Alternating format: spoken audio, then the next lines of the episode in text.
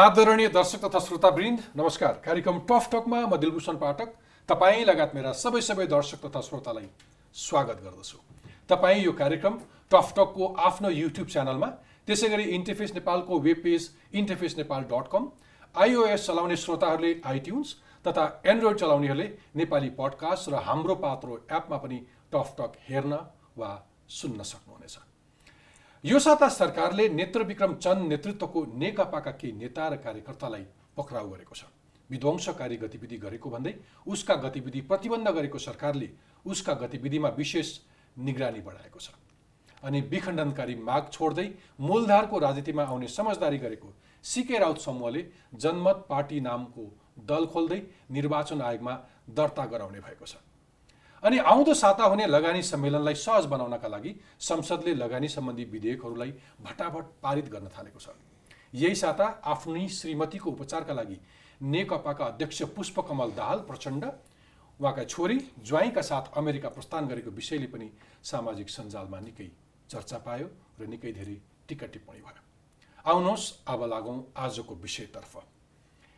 स्थायी बसोबास आकर्षक तलब परिवारको सामाजिक सुरक्षा लगायतका सुविधाका कारण आकर्षक मानिन्छ बेलायती सेनाको जागिर।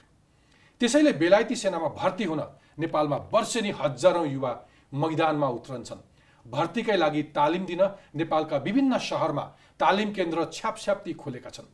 तर एकजना नेपाली युवा यस्तो आकर्षक जागिर छोडेर विश्व कीर्तिमान राख्न हिमाल आरोहणमा निस्कन लाग्नु भएको छ। मासिक छ लाख रुपियाँ तलब सामाजिक सुरक्षाका योजना र झन्डै सात करोड रुपियाँको पेन्सन माया मारेर हिमाल आरोहणमा निस्कन लाग्नुभएका म्याग्दीका निर्मल पूर्जाको महत्वाकांक्षी योजना छ। सात महिनाको अवधिमा विश्वका आठ हजार मिटरभन्दा माथिका चौधवटै हिमाल आरोहण गर्ने। यही हप्ताबाट सुरु हुने उहाँको यो महत्वाकांक्षी योजना प्रोजेक्ट पोसिबल सफल भए यस अघिको सात वर्ष एघार महिना चौध दिनको विश्व कीर्तिमान तोडिनेछ।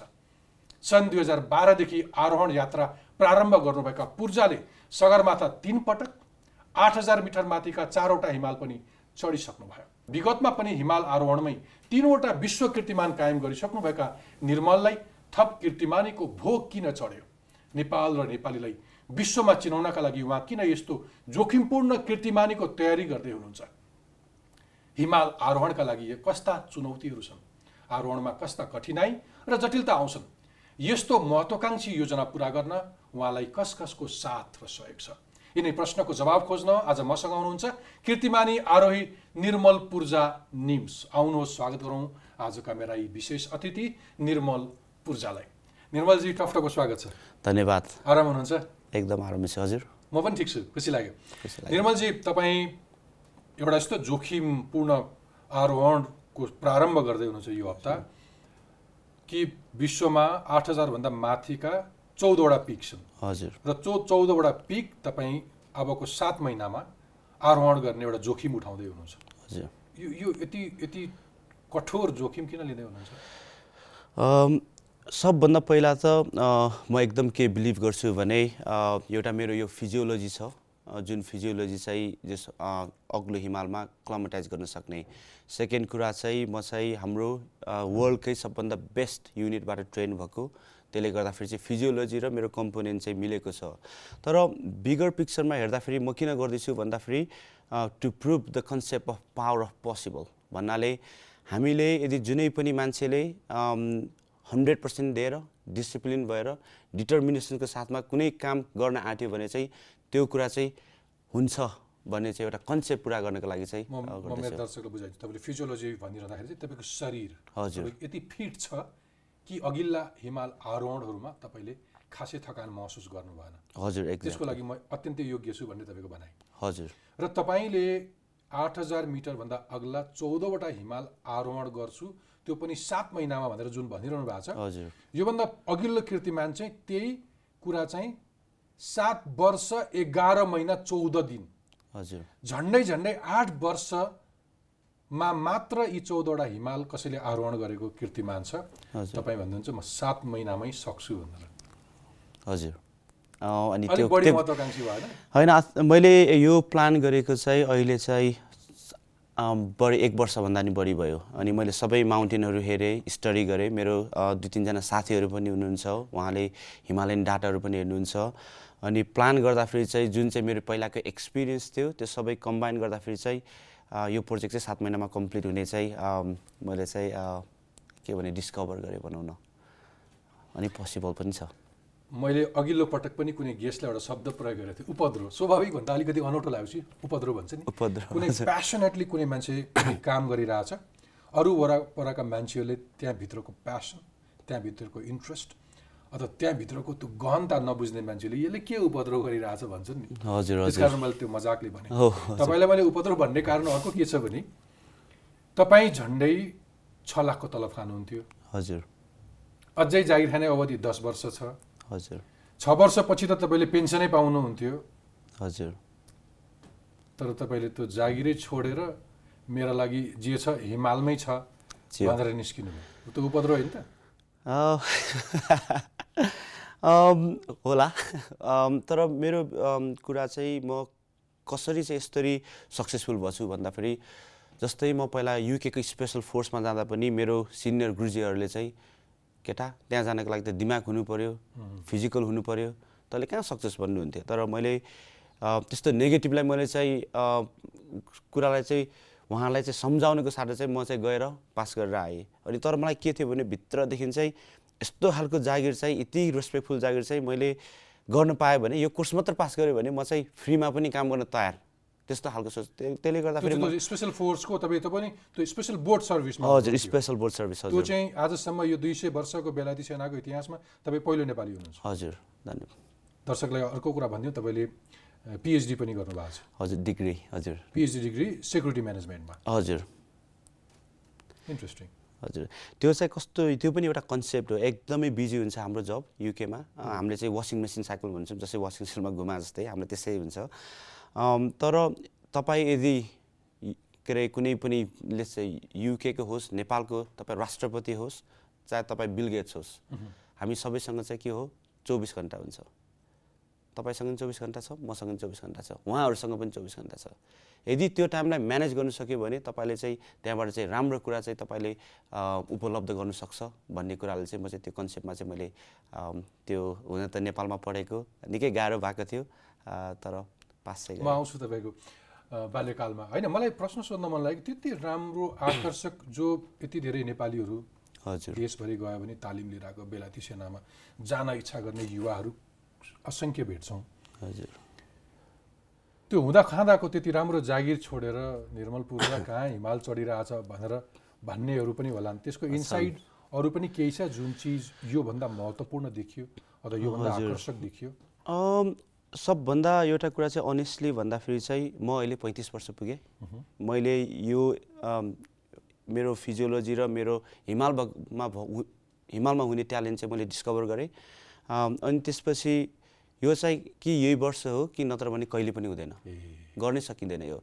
यो भनेको चाहिँ म चाहिँ मलाई घमण्डको साथ होइन तर म maybe one in seven point eight billion population in the world who can do this त्यसले गर्दाखेरि चाहिँ यो चाहिँ मेरो लागि मात्र नभएर सम्पूर्ण मानव जातिको लागि चाहिँ मैले चाहिँ यो के अरे प्रोजेक्ट र मिसन लिएर आएको छु। तपाईँ यो भन्दै हुन्छ मसँग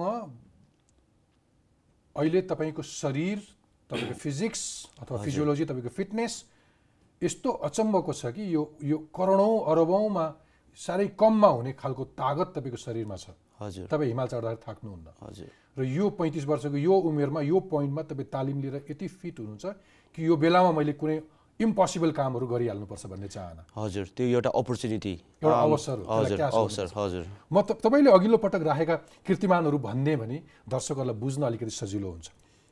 तपाईँले बिस घन्टाको रेकर्ड तोड्दै सगरमाथा लोत्से आरोहण जम्मा दस घन्टा पन्ध्र मिनटमा सम्पन्न गर्नुभयो। हजुर सगरमाथाको चिजहरू कसैले बिस घन्टा सगरमाथा र लोत्से बिस घन्टामा गरेका थियो तपाईँले योभन्दा अगाडि जम्मा दस घन्टा पन्ध्र मिनटमा गर्नुभयो आधा समयमा कीर्तिमान हजुर। त्यस पछाडि आठ हजारभन्दा अग्लो सगरमाथा लोत्से र मकालु हिमाल पाँच दिनमै आरोहण गरिदिनु भयो हजुर। अर्को तपाईँले सत्र दिनमा सगरमाथा दुई पटक लोत्से र मकालु एक एक पटक चढ्नुभयो। हजुर। अनि धेरै मान्छेलाई पुगेर फर्किन हतारो हुन्छ। तपाईँले अर्को कीर्तिमान अथवा अर्को एउटा महत्त्वपूर्ण काम जो संसारले तपाईँको गुण गाउँछ कि सगरमाथा चढ्ने क्रममा कठाङ्गिएर करिब करिब डेथ मृत्युको मुखमा पुगिसकेको एकजना भारतीय महिलालाई तपाईँले काँधमा हालेर बोकेर करिब करिब कति झन्डै एक हजार मिटर तल लिएर आउनुभयो। उहाँ चाहिँ के अरे आठ हजार चार सय मिटरमा हुनुहुन्थ्यो अनि मैले उहाँलाई रेस्क्यु गरेको चाहिँ क्याम्फोसम्म हो। क्याम्फोदेखि चाहिँ हाम्रो शेर्पा दाजुभाइले चाहिँ उहाँलाई तल लिएर क्याम्पटोसम्म त्यसको ल्याउनु भयो डिस्टेन्स कति छ? राउन्ड रफली होइन डिस्टेन्स चाहिँ एल्टिट्युड हाइट भर्टिकल हाइट चाहिँ लगभग चार सय मिटर। चार सय मिटर। ओके। त्यस पछाडि तपाईँले अर्को कीर्तिमान यो जी टू हन्ड्रेड ई भनेको चाहिँ एभरेस्ट एक्सपिडिसन हजुर हजुर। जो तपाईँले तेह्रजना गोर्खाहरूलाई सगरमाथा लैजान लानुभयो। हजुर। त्यो चाहिँ कस्तो भएको थियो भने एज अ गोर्खाली एभरेस्टमा के हुन्छ भने सधैँ पनि एउटा एक्सपिरियन्स मान्छेले चाहिँ बाटो खोल्ने जिम्मा लिएको हुन्छ। टु थाउजन्ड सेभेन्टिन हामी गोर्खाली पनि गएको थियौँ। हामी चाहिँ सबभन्दा पहिलो क्लमटाइज भएर बेस क्याम्पमा बसेको भनेको तिन हप्ता भइसकेको थियो। तर बाटो खोल्ने हाम्रो जुन चाहिँ रेस्पोन्सिबिलिटी लिनुभएको थियो उहाँहरू वेदरको कारणले अथवा कुनै कारणले गर्दाखेरि असम्भव हुनुभयो। तर हाम्रो लागि चाहिँ के हो भन्दाखेरि तपाईँ जहाँसुकै जानुहोस् संसारमा तपाईँ एउटा नेपाली एउटा गोर्खाली भन्ने बित्तिकै यसको त पछाडिको के अरे गार्डनमा नै सगरमाथा छ। यो त त्यसै चढ्छ भन्ने खालको सोच हुन्छ। त्यसले गर्दाखेरि यो हाम्रो दोस्रो पटक थियो। यदि हामीले केही न केही नगरेको भए चाहिँ एउटा रेपुटेसन्सको एकदमै ठुलो रिक्स थियो। सेकेन्ड कुरा चाहिँ अर्को के भयो भने यत्रो ब्रिटिस सरकारको ट्याक्स तिरेको पैसा चाहिँ हामी लिएर चढ्दैछौँ दुई पटक। योचोटि पनि भएन भने कहिले पनि नहुने के अरे मैले चाहिँ संजोग देखेँ भनौँ न होइन? त्यसले गर्दाखेरि either is now or never भन्ने कन्सेप्टमा चाहिँ म आएँ अनि भने ओके हामी शेर्पा अनि हामी गोर्खाली दुवैजना मिलेर चाहिँ हामीले चाहिँ फिक्स फिक्स लाइन आफै हामी आफै गर्छौँ भन्ने कारणले हामी गयौँ। सफल पनि भयो. तर त्यो प्रोजेक्ट चाहिँ मैले लिड गरेको थिएँ अनि हाम्रो शेर्पा दाजुभाइहरू एकदमै राम्रो त्यही त्यही सफलताको कारण हो तपाईँलाई पछि जागिरभित्र चाहिँ एमबिई अथवा त्यो मेम्बर अफ ब्रिटिस एम्पायरको हजुर। त्यो साहसिक एउटा अवार्ड छ ब्रिटिस नेसनल अवार्ड हजुर। त्यसकारण दिएको। त्यो एउटा कुरा दोस्रो कुरा चाहिँ ती रेस्क्युको कारण अनि तेस्रो कुरा चाहिँ तिनवटा वर्ल्ड रेकर्डको यो सबै कम्बाइनले गर्दाखेरि चाहिँ। यति धेरै रेकर्ड राखिसकेपछि फेरि अर्को रेकर्ड चाहिँ राख्ने राख्ने तपाईँले अघि भने जस्तै कारण चाहिँ त्यो मेरो एउटा चाहना मात्रै होइन कि यो शरीरको अवस्थाले पनि मलाई पुस गर्यो भन्ने हजुर अनि अर्को कुरा चाहिँ के हो भने अनेस्टली भन्दाखेरि मभन्दा अब कति राम्रो शेर्पा दाजुभाइहरू पनि हुनुहुन्छ त्यसमा।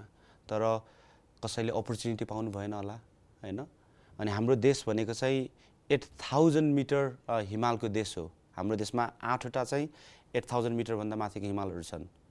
पहिला हाम्रो तेन्जिङ नोर्गे शेर्पा शेर्पा चढेदेखि अहिले जति पनि माउन्टेनियरिङमा आएको अफकोर्स हाम्रो शेर्पा दाजुभाइहरू आउनुभएको छ तर कति भन्ने कुरामा चाहिँ हाम्रो बाहिर वेस्टर्नतिरको पनि धेरै नामहरू छ। तर हाम्रो देश हाम्रो त यो त हाम्रो घर हो। होइन? त्यसले गर्दाखेरि हामीले चाहिँ यस्तो काम किन नगर्ने। भन्ने कन्सेप्टमा चाहिँ एउटा। नेसनल प्राइड तपाईँको त्यो प्रोजेक्टको नाम हो प्रोजेक्ट पोसिबल हजुर। सम्भव छ तर्क। म आउँछु कुनैसँग तर मलाई तपाईँको यो फिजियोलोजीको बारेमा अरू जान्ने चाहना भयो। यो शरीर कहाँ पाउनुभयो यस्तो फिट कहाँ पाउनुभयो त्यसको राज त खोल्नु पऱ्यो जन्मिनुभयो तपाईँ म्याग्दीमा? कस्तो परिवारमा जन्म जन्मेको चाहिँ म म्याग्दी। सानै उमेरमा चाहिँ हामी चितवनतिर गयो त्यतै बस्यो। अनि घरमा परिवारमा को हुनुहुन्छ? घरमा आमा बाबा हुनुहुन्छ दुवैजनाको स्वास्थ्य राम्रो दाजुहरू हुनुहुन्छ चारजना दाजुभाइ अनि एकजना बहिनी। बिरामी आमा लिएर हस्पिटल लाँदै गरेको देखेको थिएँ तपाईँलाई? हो हजुर। आमाको चाहिँ एभ्री विकमा चाहिँ दुईचोटि डायलिसिस गर्नुपर्ने हुन्छ। त्यसले गर्दाखेरि चाहिँ हामी चितवनको मान्छे यहाँ काठमाडौँमा चाहिँ आमाको लागि एउटा सानो कोठा लिएर बसेका छौँ। तपाईँको हिमालप्रतिको प्यासन देखेर चकित भइरहेको छु म घरमा बिहा गर्नुभएको छ श्रीमती छोराछोरी? श्रीमती चाहिँ छन्। छोराछोरी पनि छैन किन भन्दाखेरि यही प्रोजेक्टले गर्दाखेरि सबै प्लानिङ नै चाहिँ रोकिएको छ। किनभने हिमाल भनेको नेचर हो। यति ठुलो कुरामा चाहिँ जे पनि हुनसक्छ त्यसले गर्दाखेरि अलिक सेफ साथ नै बसौँ भनेर। भनेको त्यो त्यस कारणले बच्चा बच्चीको प्लान गरिनँ। गरिनँ हो एक्ज्याक्टली स्कुल कहाँ पढ्नुभयो स्कुल चाहिँ स्मल हेभन। चितवन। चितवनमै थियो हजुर। ओके। अब आउनुहोस्। म तपाईँको अलिकति प्रोजेक्ट पोसिबलको बारेमा कुरा गर्न मन लाग्यो। हजुर। कसरी अगाडि बढिरहेछ प्रोजेक्ट पोसिबलको तयारीहरू? अब त हिँड्ने बेला भइसक्यो। लोजिस्टिकल एकदमै राम्रो भइरहेको छ। सबभन्दा गाह्रो भन्ने कुरा चाहिँ फन्ड रेजिङ हो जस्तै यो प्रोजेक्ट हामीले अघि नै भनिसकेँ एक वर्षभन्दा अगाडि प्लानिङ गरेको। यसको दुईवटा अ, हाँगाहरू थियो। एउटा चाहिँ एकजना मेरो साथीले चाहिँ पैसाहरू उठाउने फन्ड्सहरू उठाउने।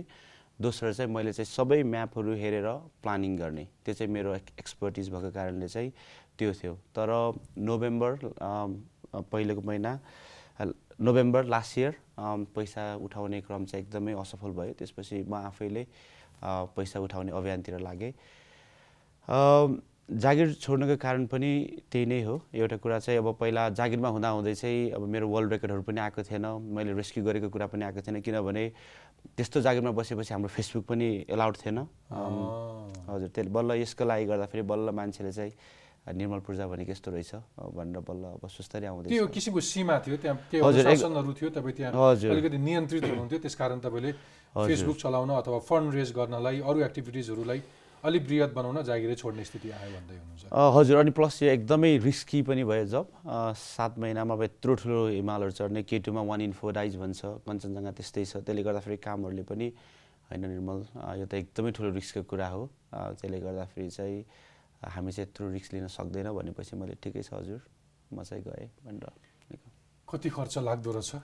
यी चौधवटा आठ हजार माथिका हिमालहरू आरोहण गर्न। सो बजेट प्लानिङ चाहिँ seven hundred and fifty thousand pound हो अम, त्योमध्ये चाहिँ अझैसम्म चाहिँ hundred and eighty thousand pound उठाएको छु। झन्नै झन्नै साढे करिब दस करोड जति लाग्ने रहेछ हजुर। हजुर हजुर। दस करोड। अनि आरोहण दलको खर्च पनि फेरि आफैले बिहोर्नु पर्यो। हजुर हो सबै। कति ठुलो टिम हुन्छ तपाईँसँग? हामीसँग चाहिँ अम, चारजनाको टिम छ। अनि तर दुईजना चाहिँ अर्को कसरी प्लान गरेको छु भने अन्नपूर्ण हामी चारजना जान्छौँ चढ्छौँ। अन्नपूर्ण चढ्नुभन्दा अगाडि चाहिँ दुईजना हाम्रो शेर्पा दाजुभाइ चाहिँ धौलागिरीमा गएर बेस क्याम्पहरू सेटअप गर्छन्। अन्नपूर्ण चढेर बेस क्याम्पमा आएपछि दुईवटा हेलिकप्टरमा आएँ। एउटा हेलिकप्टर म चाहिँ भएको चाहिँ धौलागिरीमा जान्छ। अर्को हेलिकप्टर चाहिँ गएर अर्को माउन्टेनमा गएर चाहिँ बेस क्याम्प बनाउन मेरो हाम्रो शेर्पा दाजुभाइहरूले सहयोग गर्नुहुनेछ। यो चाहिँ हामी नेपाली हाम्रो शेर्पा हामी सबै मिलेर गर्ने खालको प्रोजेक्ट हो।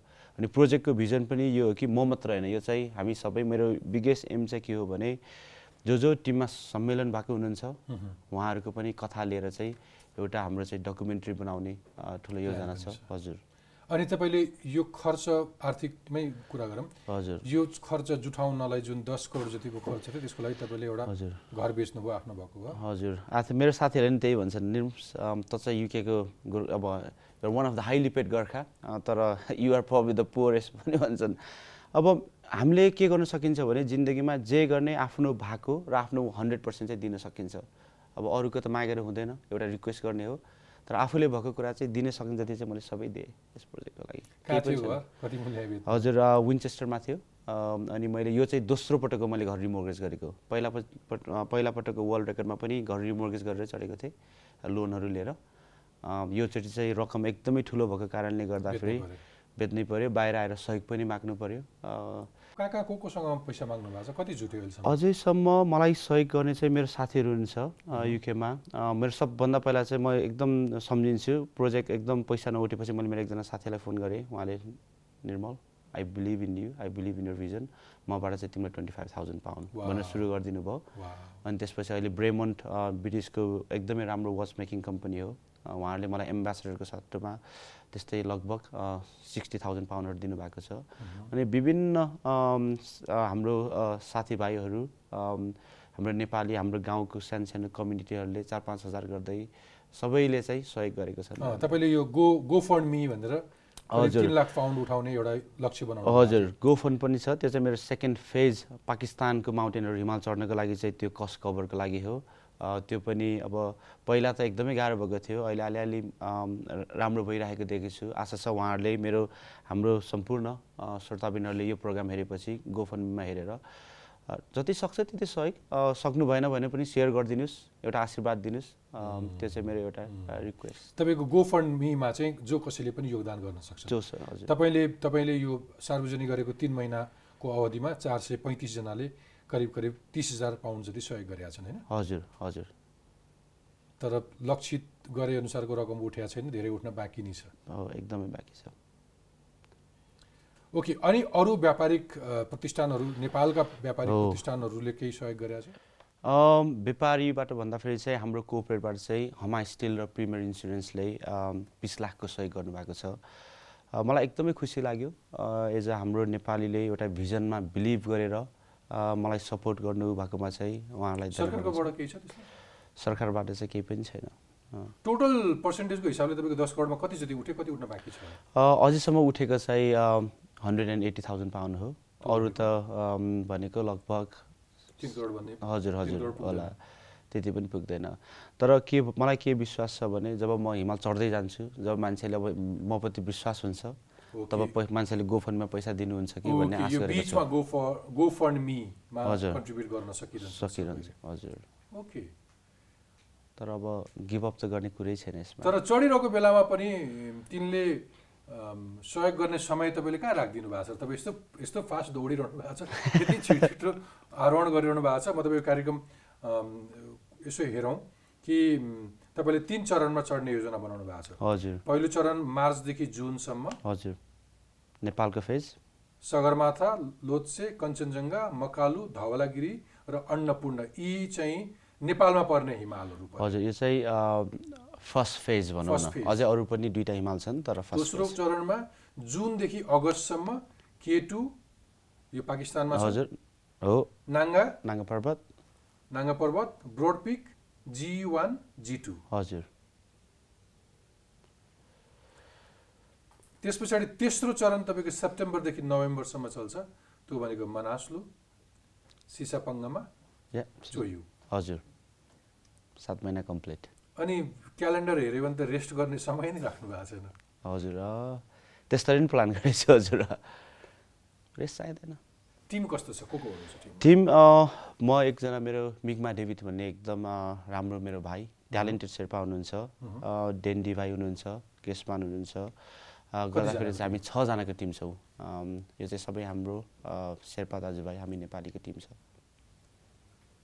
त्यही त्यही एउटै आरोहण दल पछिसम्म सँगै छ या होइन उहाँहरू चाहिँ माउन्टेन माउन्टेनमा सपोर्ट गर्नुहुन्छ। अघि हामीले प्लान गरे अनुसार उहाँलाई चाहिँ प्लानिङ अनुसार चाहिँ विभिन्न माउन्टेनमा चाहिँ अगाडि गएर चाहिँ बेस क्याम्प इस्टाब्लिस गर्नको लागि चाहिँ उहाँहरूको इनिसियल सपोर्ट। त्यसपछि फेरि चढ्नेमा चाहिँ प्लानिङ अनुसार छ सबै। अघि तपाईँले मैले सरकारको तर्फबाट केही सहयोग छ भने केही त्यस्तो सहुलियतहरू केही छ प्रत्यक्ष सहयोग मेरो विचारमा? यो भनेको एउटा नेसनल प्राइड हो अनि नेसनल प्राइडको लागि देशले केही न केही अब गरेकोमा म खुसी हुन्थेँ चाहिँ भन्नु सक्छु। अनि हाम्रो नेपाल टुरिज्म बोर्ड पनि हुनुहुन्छ। उहाँहरूको visit Nepal twenty twenty campaign छ। उहाँले सहयोग गर्छु भन्नुभएको छ तर अब कुनै कुरा कन्फर्म चाहिँ भएको छैन। मैले उहाँले सहयोग गरे पनि नगरे पनि नेपाल मेरो देश हो। त्यसले गर्दाखेरि चाहिँ visit Nepal twenty twenty campaign मैले प्रमोट गर्नेछु। किनभने एउटा टुरिस्ट नेपालमा आएपछि एयरपोर्टदेखि चाहिँ उहाँ हिमाल चढ्नेदेखि जहाँसुकै जाउन् उहाँहरू एउटा ट्याक्सी ड्राइभरदेखि सबैको चाहिँ के हो घरमा एउटा चुलो बलेको हुन्छ। त्यसले गर्दाखेरि चाहिँ यदि हामीले यो इन्डेभर मान्छेहरूले हेरेर बुझेर ठुलो गरेर सुन्ने भयो भने कुरा जान्नुभयो भने एज अ नेपाल आउँछ। अनि त्यसपछि उहाँलाई यहाँ नेपालमा एज अ टुरिज्म ल्याउन सक्यो भने आई थिङ्क नेपालको इकोनोमी राम्रो हुन्छ भन्ने एउटा। मलाई तपाईँको आर्थिक पक्षको पनि कुरा भयो। हजुर। यो प्रोजेक्ट पोसिबलको पनि कुरा भयो। मलाई अलिकति तपाईँ जस्तै अघिल्लो पटक पनि मैले हिमाल आरोहण गर्ने गर्न जानेहरूलाई अन्तर्वार्ता गरिरहेको छु। हजुर। तपाईँले त अझ धेरै आरोहण गरिसक्नु भएको छ। वास्तवमा हिमाल के रहेछ? किन हिमालले मान्छेलाई यति धेरै आकर्षण गर्छ? ओके एकदम अनेस्टली भएर भन्दाखेरि अब म जस्तो मान्छे हामी युकेमा स्पेसल फोर्समा काम गरेको मान्छेहरूले एकदमै ठुलो काम गरेको हुन्छ। तर जब नेचर मेरो लागि चाहिँ अहिले हिमालमा आएपछि म कोही पनि होइन। मलाई यति सानो फिल हुन्छ त्यहाँ आएपछि। त्यो मेरो एउटा कोज हो। हिमालमा गएपछि मेरो एउटा स्पिरिचुअल पनि कोज छ। I feel like that's my happy place मैले आम मान्छेहरूको अवस्था एउटा कमन कुनै फ्याक्टर छ भनेर नि जस्तै यसो हेऱ्यो भने शारीरिक रूपमा अशक्त अथवा अघिल्लो पटक हरिजी हुनुहुन्थ्यो। शारीरिक। अशक्त भनेर होचाउन खोजे होइन। हजुर। अत्यन्तै धेरै श्रद्धा सम्मान छ। मैले भनेको तपाईँ एउटा फिजियोलोजी भन्नुभयो मेरो फिट छ। त्योभन्दा अलावा पनि हात नहुँदा नहुँदै खुट्टा नहुँदा नहुँदै उमेर अलिकति पाको भइसक्दा पनि वृद्ध वृद्धहरू पनि जो कसैमा पनि त्यो एक किसिमको चाहना लालायित हुन्छन् नि हिमाल हजुर। स्वदेशी विदेशी जो पनि। हजुर। त्यो त्योभित्रको इन्साइड आकर्षण केही छ त्यस्तो फ्याक्टर जसले मोटि सामान्य यसो हेर्दाखेरि एउटा चिसो अग्लो पहाड हुन्छ चढ्न हजुर। आई थिङ्क अब सबै आफ्नो कारणले चढ्छन्। हिमालहरू सबैको आफ्नो पर्सपेक्टिभ हुन्छ उहाँ किन चढ्नुहुन्छ भनेर। तर मेरो विचारमा अब सबैको लागि एउटा जेनरल चाहिँ के हो भने एउटा हिमाल भनेको नेचर हो। अनि नेचरमा गएपछि nature has always bigger thing to say हामी कोही पनि होइन भन्ने एउटा फिल हुन्छ। हाम्रो कति दिमागमा कति टेन्सन छ? अहिले मलाई पनि छ। तर म हिमालमा गयो भने निर्मल त तेरो प्रब्लम र तेरो समस्या भनेको यति सानो छ भन्ने एउटा रियालिटीमा पनि ल्याइदिएको हुन्छ। त्यो पनि एउटा तर टफ। पनि छ नि। हिमाल चढ्नलाई तपाईँले तपाईँले अघि भने जस्तै मैले भन्न खोजेको के भने शारीरिक रूपमा पनि तपाईँलाई जोखिम छ नि हिमाल चढ्नलाई। एकदम हजुर। अलिकति स्वास्थ्य गडबड हुनसक्छ अलिकति मौसममा सन्तुलन नहुन सक्छ भनेपछि यति धेरै जोखिमहरू मोलेर हिमाल चढ्नु पछाडि चाहिँ त्यसको कुनै अरू कुनै विशेष कारण छ भनेर सोध्न खोजेको। हो एकदम ठिक। तर हो हिमालमा गएपछि सबभन्दा भनेको दुई थरीको डेन्जर हुन्छ। मेरो प्रोजेक्ट पछिल्लो पनि दुई थरीको छ। एउटा भनेको अब्जेक्टिभ भनेको चाहिँ जस्तै हामी चढ्दा चढ्दै एभलान्स आएर लयो भने त कसैको पनि केही लाग्दैन। तर अरू कुरा भनेको सब्जेक्टिभ जस्तै आफ्नो हेल्थ अनि वेदर कन्डिसन्स त्यस्तोहरू चाहिँ हामीले म्यानेज गर्न सकिन्छ। हेल्थको आफूले अलिक केयर गर्नु पऱ्यो वेदर कन्डिसन्स चाहिँ राम्रो डिसिजन गर्नु पऱ्यो तर अर्को कुरा चाहिँ म पहिला मकालु चढ्दाखेरि म चाहिँ सेभेन्टी फाइभदेखि नाइन्टी फाइभ किलोमिटर विनको स्पिडमा पहिला चढेको छु। त्यसले गर्दाखेरि मेरो एक्सपिरियन्स छ। अफकोर्स एकदमै टफ हो हिमाल चढ्ने भनेको एकदमै ठुलो अझ हजुर। जस्तो फर इक्जाम्पल पहिलोचोटि तपाईँलाई चाहिँ एउटा साहसिक हो। एउटा साहसिक कदम हो। त्यो अनुभव गरौँ भन्ने एउटा। अनुभवको चाहना हुन्छ। हजुर सबै हिमाल चढेको छन् म पनि चढ्छु भन्ने एउटा चाहना हुन्छ। अनि त्यस पछाडि कसैलाई कीर्तिमान कायम राख्न हजुर। एउटा कीर्तिमान राखेपछि अर्को रिपिटेड जुन चाहना मैले तपाईँलाई देखिरहेको हजुर हजुर। तर आरोहणको जोखिम पनि हुन्छ नि। तपाईँलाई डर कति लागेको छ? मनबाट अनेस्टली भन्दाखेरि मलाई डर लागेको छैन। तर मलाई के छ भने मैले एकदमै ठुलो लेसन जिन्दगीको सबभन्दा गाह्रो लेसन चाहिँ मैले एउटा सानो र सजिलो हिमालबाट सिकेको छु। त्यसले गर्दा म जब हिमालमा जान्छु I give one hundred percent I respect that mountain मसँग जे भएको खुबी एक्सपिरियन्स र नलेज राखेर चाहिँ म चाहिँ मेरो एक्सपिडिसन चाहिँ अघि बढाउने चाहिँ हाइली अलर्ट फुल फोकस्ड हुन्छ। हजुर। तपाईँ। हजुर। यो बिचमा कुनै जोखिमको सामना गर्नु पर्यो हिमाल चढ्दाखेरि? अम, जोखिम भन्दा पनि मैले दुईवटा एक्सपिडिसन चाहिँ मैले पहिला टर्न अराउन्ड गरेको छु। मान्छेले भन्छ ओहो त यस्तोमा चढिस एकदमै एक्सट्रिम कन्डिसन्समा कति मान्छेले त होइन यो त जब्बरै पो गर्छ कि? भन्ने हुन्छ। तर मैले दुईवटा एक्सपिडिसन मैले टर्न अराउन्ड गरेको छु किनभने एभलान्सको रिस्कलाई सरी अलिकति म लस्ट भएँ। अनि ठिक छ। कस्तो खालको च्यालेन्ज मिट गर्नु भएको छ हिमाल चढ्दाखेरि? कहिले कहिले त असाध्यै अप्ठ्यारो स्थिति एकदम जोखिमपूर्ण अवस्था। ज्यानै जाने अवस्थाहरू पनि आउँछ नि। हो हन्ड्रेड पर्सेन्ट त्यसको लागि चाहिँ के हुन्छ भने कति अझसम्म मैले जति माउन्टेनिङमा मैले देखेको छु आठ हजारभन्दा माथि जाने बित्तिकै धेरै जसोहरू मान्छेहरू चाहिँ फेज आउट हुन्छ। उनीहरूले धेरै आफूले अरू बाहिरको कुरा सोच्नुभन्दा पनि आफू चाहिँ कसरी बाँच्ने के गर्ने भन्ने खालको सोच हुन्छ। तर थ्याङ्कफुल्ली मैले चाहिँ अलि बिगर पिक्चरमा सोच्ने अम, के अरे क्यापेबिलिटी भएको छ। जस्तै म मकालु चढ्दाखेरि हाम्रो प्लान के थियो भने दुई बजे हिँडेर तिन बजे चाहिँ क्याम्प थ्री सेट गर्ने छ बजे समिट जाने। तिन बजे हामी आधी बाटोमा पनि थिएनौँ। त्यसपछि मैले के गरेँ भने हाम्रो सबै दाजुभाइलाई बोलाएर ल अक्सिजन खानुपर्छ भनेर अक्सिजन खाएर क्याम्प थ्री छ बजे क्याम्प लाइयो। अनि त्यही प्लानले गर्दाखेरि एउटा एकजना शेर्पा त ड्रप गर्नु पऱ्यो तर यदि त्यहाँ हामीले अक्सिजन नखाएको भए हामी एक्सपिडिसन सक्सेस हुन्थेन। भन्नु खोजेको जे कुरा गर्दाखेरि पनि पछाडि के हुँदैछ? अब अघि के हुँदैछ? सबै एकदम सोच्नुपर्ने हुन्छ। हजुर, 100% होइन, म- मलाई चाहिँ तपाईँले कस्तो कस्तो खालको जोखिमहरू आइपर्दो रहेछ भनेर पनि सुन्न मन लाग्यो कि। तपाईँले भोगेको अर्को पनि त्यस्तो कुनै एकदमै डरलाग्दो जोखिम अथवा त्यस्तो कुनै घटनाहरू पनि सम्झिनुहुन्छ? एउटा चाहिँ छ जुन चाहिँ म एल्ब्रस चढ्दा विन्टर एक्सपिडिसनमा चढ्दाखेरि समिटको छेउमै पुग्न लागेको थियौँ। मेरो साथी मेरो क्लाइम्बिङ पार्टनर चाहिँ दुईचोटि स्लाइड भयो। सेल्फ फरेस्ट गरेँ। त्यसपछि अनि मैले त्यतिखेर चाहिँ निकै डर लागेको थियो अनि मैले चाहिँ ल हुन्छ हजुर हामी चाहिँ अब समिट नजाउँ भन्ने हामी फर्क्यौँ। तर त्यतिखेर चाहिँ वेदर कन्डिसन्स यताउतिले गर्दाखेरि चाहिँ अलिअलि मनमा चाहिँ डर त होइन अलिकति कन्सियस चाहिँ भएको थियो। यो बिचमा तपाईँले कति धेरै आरोहीहरूले एउटा एकजना उद्धारै गर्नुभयो हजुर हो त्यो चाहिँ मेरो सबभन्दा जिन्दगीको गाह्रो होला मेरो फिजिकलको लागि चाहिँ। त्यति साह्रो दुःख मैले हिमालमा कहिले पनि भएको थिएन। तपाईँको फिजियोलोजीको यत्रो धेरै तारिफ हुँदाहुँदै पनि तपाईँले तपाईँको शरीर यो जब्बर ज्यानले। दुःख पाएको घटना चाहिँ त्यो महिलालाई हजुर रेस्क्यु बोकेर गर्दा तल हजुर मैले उहाँलाई चाहिँ अब ड्र्याग गरेँ भनौँ न रेस्क्यु उसमा अम, मैले उहाँलाई पनि सम्झिन्छु। लास्टको एक सय मिटर चाहिँ मैले उहाँलाई बेक पनि गरेको थिएँ। प्लिज प्लिज हिँड्नु सक्छ भने हिँडिदिनुहोस्।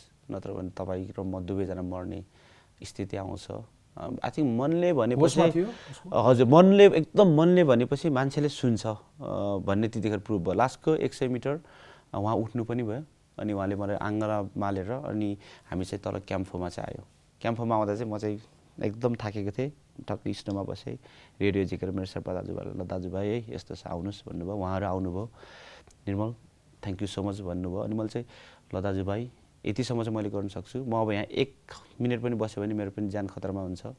त्यसपछि म उठेँ अनि म त तल लागेँ। टु थाउजन्ड सिक्सटिनको कथा। यो चाहिँ म चढेको चाहिँ यो चाहिँ मेरो छुट्टीमा। अफगानिस्तान जानुभन्दा अगाडि छुट्टीमा सरकारी लोन लिएर यसरी ब्याङ्कबाट लोन लिएर गरेको कुरा। कसैलाई पनि थाहा थिएन त्यतिखेर। त्यो हिमाल चढ्दाखेरि थाहा हुने भनेकै मेरो बुढी मात्र थियो। किनकि सामान धान्नु भएन दाजुहरू कसै कसैलाई कसैलाई थाहा थिएन। हिमालप्रतिको गजबको प्रेम छ तपाईँको। अरू कोही ती महिला बाहेक अरू कुनै त्यस्तो दुःख दुर्घटनामा परेका त्यस्ता घटनाहरू पनि देख्नु भएको छ? देखेको छु मैले। अगाडि या पछाडि? हजुर। कति कुराहरू त तपाईँले अघि भन्ने भयो कि? अत्यन्तै चनाखो हुँदा हुँदै पनि। हजुर हो। अत्यन्तै फिट हुँदा हुँदै पनि कहिले कहिले प्राकृतिक रूपमा यस्तो हुन्छ। पहिरोहरू आउन सक्छ हिमको पहिरो आउन सक्छ। हिम आदि हिम पहिरो र हिम आदि त स्वाभाविक हजुर। घटनाहरू हुन् होइन? हजुर हजुर। हुन्छ। अनि मैले दुईवटा देखेको भनेको एउटा चाहिँ एकदमै वर्ल्डको एकदम फेमस क्लाइम्बर विली स्टेक हामी गोर्खा एक्सपिडिसन हुँदाखेरि चाहिँ उहाँ नुप्सेबाट खसेर उहाँको डेथ भयो। एकदमै वर्ल्डको लागि बिग लस त्यो इन्सिडेन्ट स्टिल याद छ। अर्को कुरा चाहिँ हाम्रै मिङबहादुर शेरचन बेस्ट क्याम्पमा उहाँको अब त्यही निधन भयो अम, त्यति नै छ त्यो सबै देख्दा देख्दै त्यहाँबाट बाहिर निस्किनलाई र साहस जुटाउनलाई अरू धेरै एनर्जी चाहिँ कसरी ल्याउने विधिहरू के छ तपाईँहरूको? मेरो म अनेस्टली भन्दाखेरि कुनै कुरा गर्छु भन्दाखेरि मेरो एकदमै डिसिप्लिन छ अनि म एकदमै हन्ड्रेड पर्सेन्ट फोकस दिन्छु। जस्तै म बच्चामा मलाई लाउरे हुने एकदमै सोख थियो। म होस्टेल बस्थेँ। होस्टेलमा बस्दाखेरि म चाहिँ रातको तिन बजे उठेर म चाहिँ मिनिमम भनेको नि पन्ध्र किलोमिटर रनिङ गरेर चाहिँ आएर सुत्थेँ। अब फेरि त्यो छ बजेभन्दा पछि आयो भने त सरले थाहा पाउनुहुन्थ्यो लट्ठीले पिटिहाल्नुहुन्थ्यो। त्यसले गर्दाखेरि चाहिँ मैले भन्नु खोजेको के हो भने मैले जुनै पनि अझैसम्म जिन्दगीमा कुनै एम राख्छु भने म हन्ड्रेड पर्सेन्ट दिन्छु। मैले तन मन धन भन्छन् नि। हो त्यसरी दिन्छु। आई थिङ्क त्यो पनि एउटा सुरु पहिलो वर्षदेखि आजसम्म हिमाल आरोहण गर्दै जाँदाखेरि चाहिँ केही मेबी तपाईँ आरोहण गरेर आइसकेपछि तपाईँलाई फेरि यसरी नै अन्तवार्ता गर्दाखेरि यो प्रश्न सोध्न मजा आउँथ्यो होला। त्यो चाहना राख्छु। हजुर। तपाईँलाई म त्यसरी नै स्वागत गर्छु।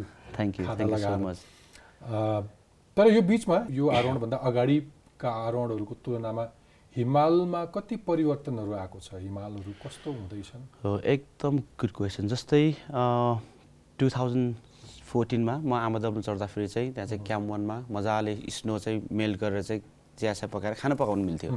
टु थाउजन्ड सेभेन्टिनमा म आमादममा जाँदाखेरि त्यहाँ हिउँै थिएन है। तलदेखि चाहिँ ग्यालेनको पानी बोकेर माथि लानुपर्ने। त्यतिखेर बल्ल मात्र मलाई थाहा भयो कि यो ग्लोबल वार्मिङ भन्ने कुरा चाहिँ एकदमै रियल। त्यसले गर्दाखेरि यो प्रोजेक्टबाट मैले ग्लोबल वार्मिङको क्याम्पेन पनि मैले लिँदैछु।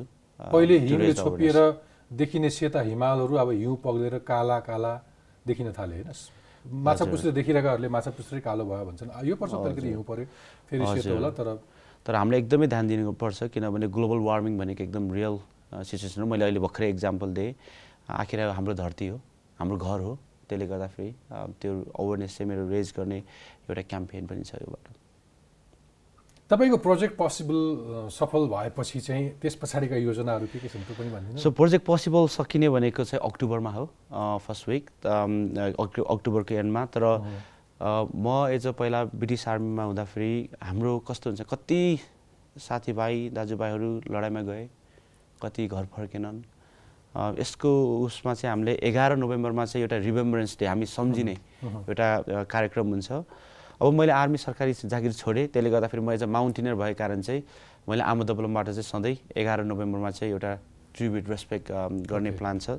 त्यो गर्छु तर त्यो बाहेक पछि चाहिँ अहिले के छ भने के टू के टू चाहिँ वर्ल्डको only one mountain that still remain unclimbed in winter विन्टरमा कसैले पनि चढेको छैन साह्रै कठोर एकदम। साह्रै कष्ट र सबैभन्दा बढी क्षति पनि भइरहने मानवीय क्षति पनि हुन्छ त्यहाँ। हजुर। दुर्घटनाहरू हुने भन्दा भन्छन्। गाह्रो माउन्टेन भन्छन् होइन केटुलाई हजुर धेरै गाह्रो अनि केटुलाई किलर माउन्टेन पनि भन्छन् त्यसले गर्दाखेरि केटु चाहिँ अहिले चाहिँ अब विभिन्न हाम्रो देश बाहिर देशकाले चाहिँ एउटा नेसनल प्राइडको लागि चाहिँ चढ्दै ट्राई गर्दै हुनुहुन्छ उहाँहरूले उहाँहरूको सफल होस् भन्ने म चाहन्छु। तर यदि उहाँले यो वर्ष गर्नु भएन भने एउटा नेपालको एउटा देशको एउटा नेसनल प्राइड लिएर चाहिँ मैले चाहिँ हामी एज अ म अनि मेरो शेर्पा दाजुभाइ चाहिँ गएर एकचोटि कोसिस गर्ने भन्ने प्लान छ। अर्को पनि चाहना छँदैछ। निर्मलजी तपाईँको यो यो यो फिटनेसमा कहिले पनि कमी नहोस्। बरु अरू तागतहरू शक्ति बढेर जाओस्। थ्याङ्क यू तपाईँले अरू पनि चाहनाहरू राख्नु भएको छ जस्तो घाइते भएको सैनिकहरू त्यस पछाडि नेपालमा पिछडिएका बालबालिकालाई सहयोग गर्ने अनि यो धेरै कति ब्रिटिस मिलिट्रीहरूको लागि चाहिँ च्यारिटी सहयोगहरू गर्ने। सो दुईवटा च्यारिटी मैले एकदम लिएको छु। दुवै मसँग चाहिँ एकदमै रिलेटेड छ।